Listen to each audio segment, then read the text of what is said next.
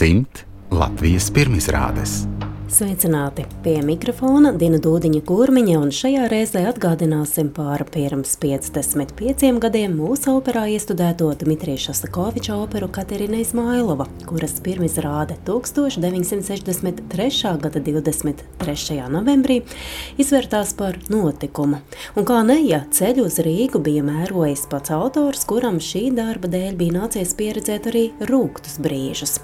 Pēc Nikolaja Ļeskova stāsta rakstītā Katerina Izmailova, jeb pirmajā redakcijā Cens, kas apriņķa Lēdija Makbeta, tapa, kad Šostakovičam bija 26. Dažu gadu laikā opera guva panākumus gan Padomju Savienībā, gan ārpus tās robežām - Ņujorkā, Filadelfijā, Londonā, Parīzē, Kopenhāgenā un Zagrebā, bet visam svītru 36. gadā pārvilka Staļina nepatika un pravdā publicētais raksts Jūceklis mūzikas vietā. Rezultātā opera uz vairākām desmitgadēm pazuda no repertuāra repertuāra, lai atkal atzimtu 60. gados. Šostakovičs ar laika distanci pārskatot partitūru veica krietnus labojumus un paklausīja režisora Ņemiroviča Dančenko ieteikumam mainīt operas nosaukumu uz Katerinu Izmailovu. Tūdaļ pēc toreizējās Ļeņingradas pie Katerinas Izmailovas iestudēšanas ķērās Rīga un, starp citu, arī Londonas Covent Gardens. Un visur klāt bija arī pats autors. Latvijas radiofonotēkā glabājas īsi pēc ģenerāla mēģinājuma tapusī Valentīna Nikolājeva intervija ar Dmitriju Šostakoviču. Мне не хотелось писать образ женщины-злодейки. Es nevēlējos atveidot Katrīnu kā ļaunuma iemiesojumu. Gluži pretēji. Citos apstākļos viņa būtu labsirdīga un gudra sieviete, kuras liktenis izvērstos pavisam pretējs. Чем бы иначе. Я э, с большим волнением приехал в Ригу, но уже Rīgā ierados ļoti satraukts, bet jau pirmajos mēģinājumos jūtu, ka iestudējums atrodas ļoti prasmīgās rokās.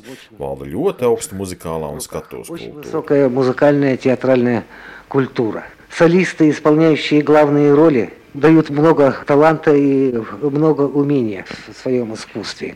Великолепно. Galveno lomu atveidotāji ir ļoti talantīgi. Operā būtiskais koris ir lielisks. Sevišķi vēlos pateikties diriģentam Edgaram Tonam, režisoram Kārlim Liepam par viņa ieguldīto darbu un meistarību. Tāpat jāuzteic kormeistars Haralds Mednis un scenogrāfs Arturs Lapeņš. Viņi ir izcili meistari. Так много мастерства и таланта. Я особенно тоже хотел бы подчеркнуть прекрасную работу хормейстера Медниц и художника Аплина. Э, Это э, большие мастера с очень большой культурой. Главные роли очень хорошо исполнены также и э, менее значительные роли артисты исполнили также превосходно. Gan galvenās, gan otrā plāna lomas dziedātāji izpilda ļoti iejūtīgi. Īpaši vēlos uzteikt orķestru par lielisko ansamblu un orķestra solistus. Mūziķi iejūtīgi un precīzi seko līdzi visām autoru norādēm. Tikšanās ar šādu kolektīvu man sniedz neizsakām gandarījumu. Ceru, ka Rīgas publika Katarīna Izmailova uzņems atsaucīgi. И доставляют большую радость мне как автору встречи с таким прекрасным коллективом. И мне очень хочется, чтобы рижские слушатели хорошо бы отнеслись к моей опере.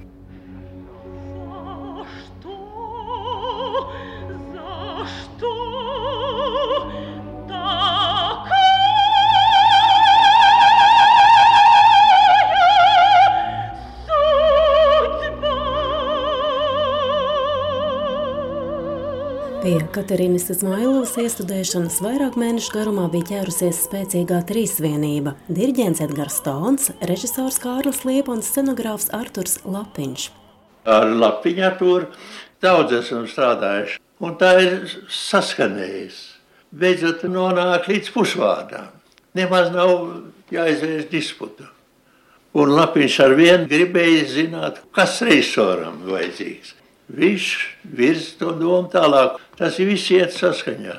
Tie ir svētki, nevis strīdi vai tielēšanās. Tas ir tiešām brīnišķīgi. Un Lapiņš bija strādnieks nenogurstošs. Ar to atkal ir, ir īpatna attiecība. Ļoti saskanīga. To, ko viņš ir darījis, tas ir bijis brīnišķīgi un ļoti pareizi, ļoti skaisti. Radoša atmosfēra dabūt. Tas ir pats svarīgākais. Jo jārada, jādzemdē šos izrādi. Bet jādzemdē kopā, roku rokā, pat nemanot kurā brīdī kurš kuru iespaido, kurš kuru ved. Tā bija režisora Kārļa Liepas balss. Jāteic, ka ne visi Edgara Tona lēmumu par Katerinas Izmailovas iestudēšanu uzņēma pozitīvi. Turpina diriģents Jāzeps Lindbergs. Viņš teica, ka nevar iet skatītāju pavadā, katrā ziņā skatītājs ir jāaudzina, un mums ir jābūt tiem, kas ved skatītāju uz priekšu. Publika dažkārt runāja, kāpēc tādas briesmas, kāpēc tādi raksturi jārāda uz operas teātras skatuves, un kāpēc mums šodien tādi ir jāskatās.